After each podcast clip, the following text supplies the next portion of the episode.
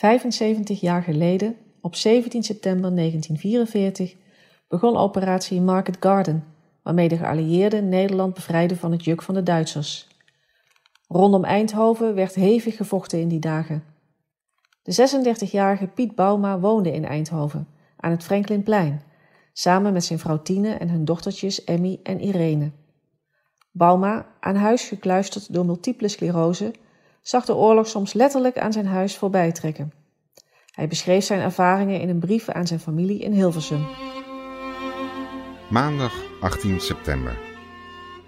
Vannacht niet veel geslapen.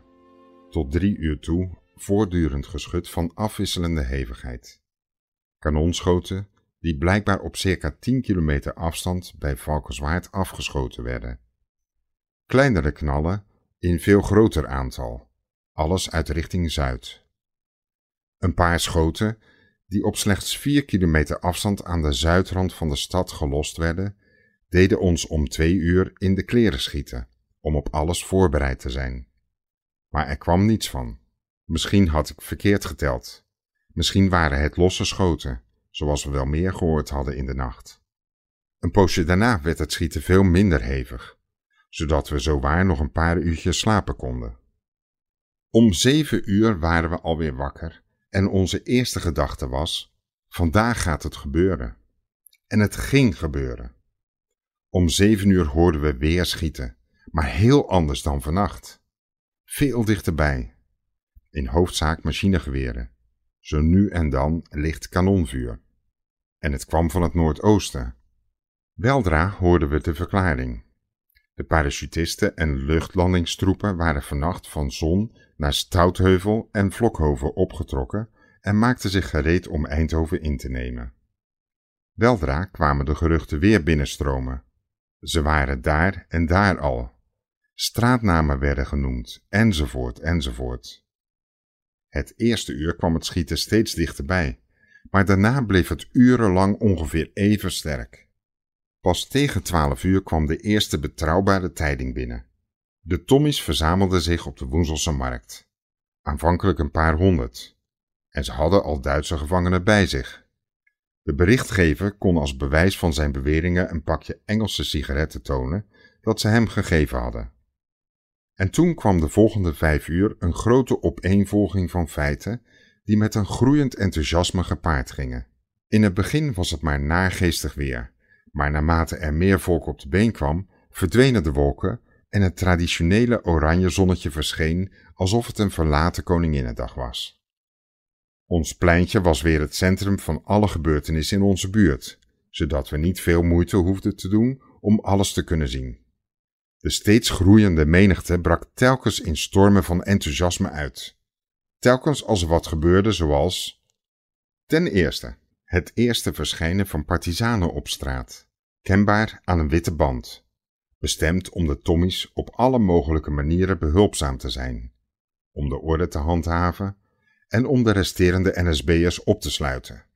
Sommigen hadden geweren, de meeste helmen van de luchtbescherming en één een reusachtige kromme sabel. Ten tweede, het opbrengen van de NSB'ers.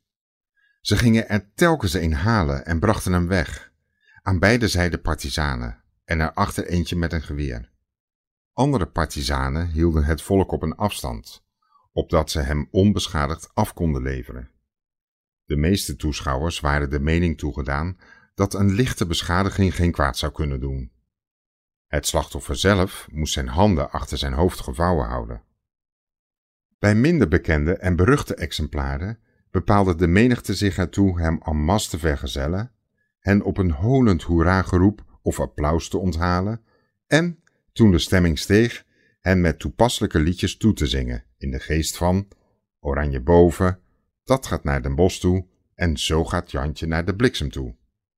Maar bij de ergste individuen, de spionnen en aanbrengers in dienst der Duitsers, daverden de scheldwoorden door de straten en moesten de partizanen een heel cordon vormen en schoten in de lucht lossen om de woedende menigte op een afstand te houden.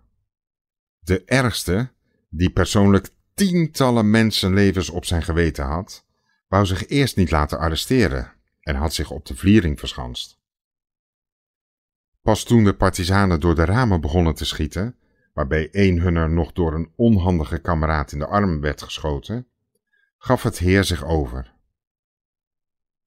De vrouwen werden niet meegenomen, maar een der individuen trachtte medelijden op te wekken door zijn vrouw en drie kleine huilende kinderen mee te nemen. Het publiek reageerde op de juiste wijze. Het medelijden bepaalde zich uitsluitend tot de kinderen. En de man werd nog erger verfoeid omdat hij dit zijn kinderen aandeed. Ten derde, het bericht dat ook leden van de Groene Politie met hun handen achter hun hoofd stonden. Ten vierde, de eerste agent van de politie die oranje droeg. Ten vijfde, het openstellen van twee winkels op het pleintje, de Bazaar Lebo en het sigarenwinkeltje. Voor verkoop van vlaggetjes, oranje artikelen enzovoort, waarvan ze een flinke voorraad bleken te hebben. Ten zesde, de eerste vlag die uitgestoken werd, weldra gevolgd door een menigte andere vlaggen. Ten zevende, het opduiken van de eerste, vier jaar verborgen Joden. Ten achtste, het eerste weer openlijk vertoonde padvinderskostuum, enzovoort enzovoort. Maar toen de vreugde om ongeveer vijf uur op het toppunt was, kwam ineens de waarschuwing van de partizanen dat de terugtrekkende Duitse SS-divisies, zoals bekend is de SS het schuim van het Duitse leger, uit het zuiden in aantocht waren. En dat het verstandig zou zijn, om schieten op de burgerij te voorkomen, om alle vlaggen enzovoort even binnen te halen tot ze voorbij waren. Er werd natuurlijk gehoorzaamd, en na een kwartier had het plein en de straten zijn vroegere kale uiterlijk, en iedereen werd zich bewust dat de bevrijding nog niet helemaal definitief voor elkaar was. Al hing aan de officiële gebouwen ook de Amerikaanse oorlogsvlag. Dit werd onder de feestvreugde door menigeen vergeten, ondanks de waarschuwende geluiden van het verder afgelegen geschut. Maar vanavond hebben we geen terugtrekkende Duitsers gezien.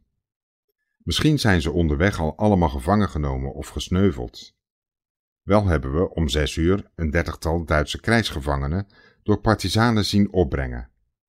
Waarschijnlijk van de parachutisten overgenomen. Doodvermoeide lui. Verscheidene een uitdrukking in hun gezicht van Goddank, het is afgelopen.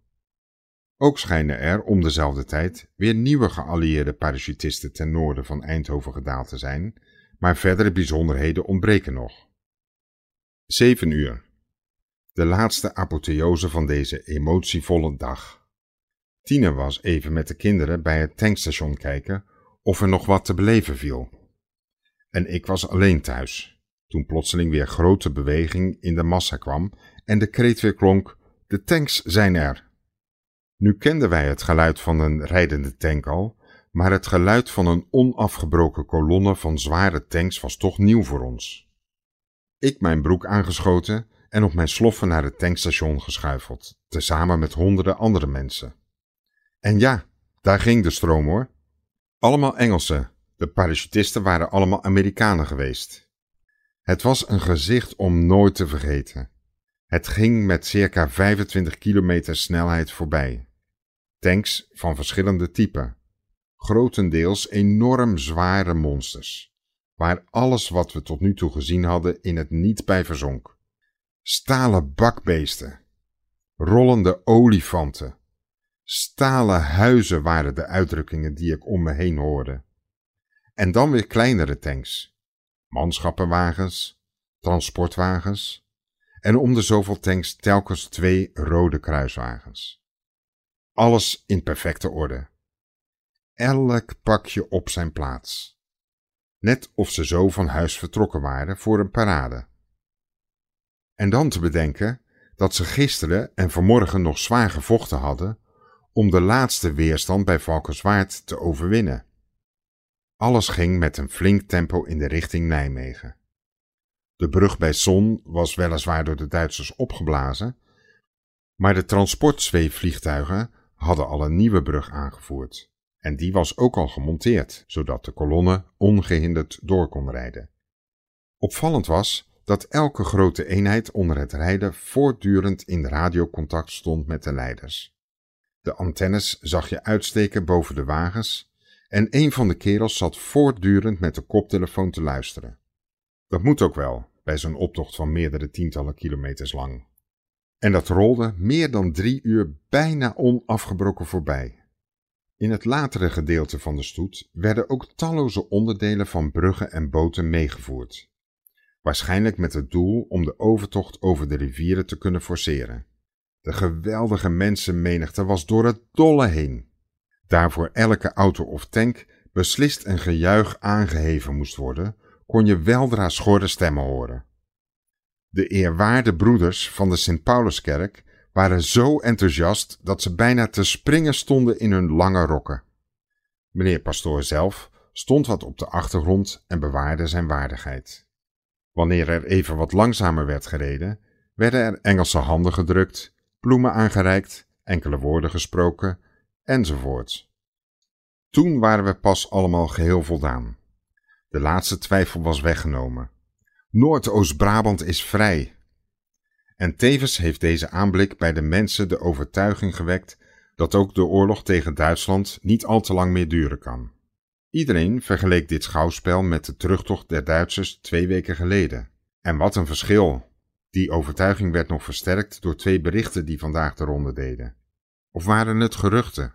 In de eerste plaats dat de Siegfriedlinie op verschillende plaatsen zonder bijzonder grote inspanning doorboord was, en in de tweede plaats een communiqué van de laatste bijeenkomst Roosevelt-Churchill, waarin stond dat de strijd in het Westen bijna beslecht was en volgens de plannen voortrolde, en dat de heren zich daarom hoofdzakelijk met vredesvoorwaarden en de strijd tegen Japan hadden beziggehouden. We hebben op het ogenblik geen elektrische spanning en hoegenaamd geen gas, alles ten gevolge van buiten Eindhoven door de Duitsers aangerichte verwoestingen. En de bakkers hadden geen brood vanmorgen, maar iedereen schikt zich blijmoedig in de omstandigheden. Tine heeft het gepresteerd om op een kolenfornuis van de buren drie broden te bakken.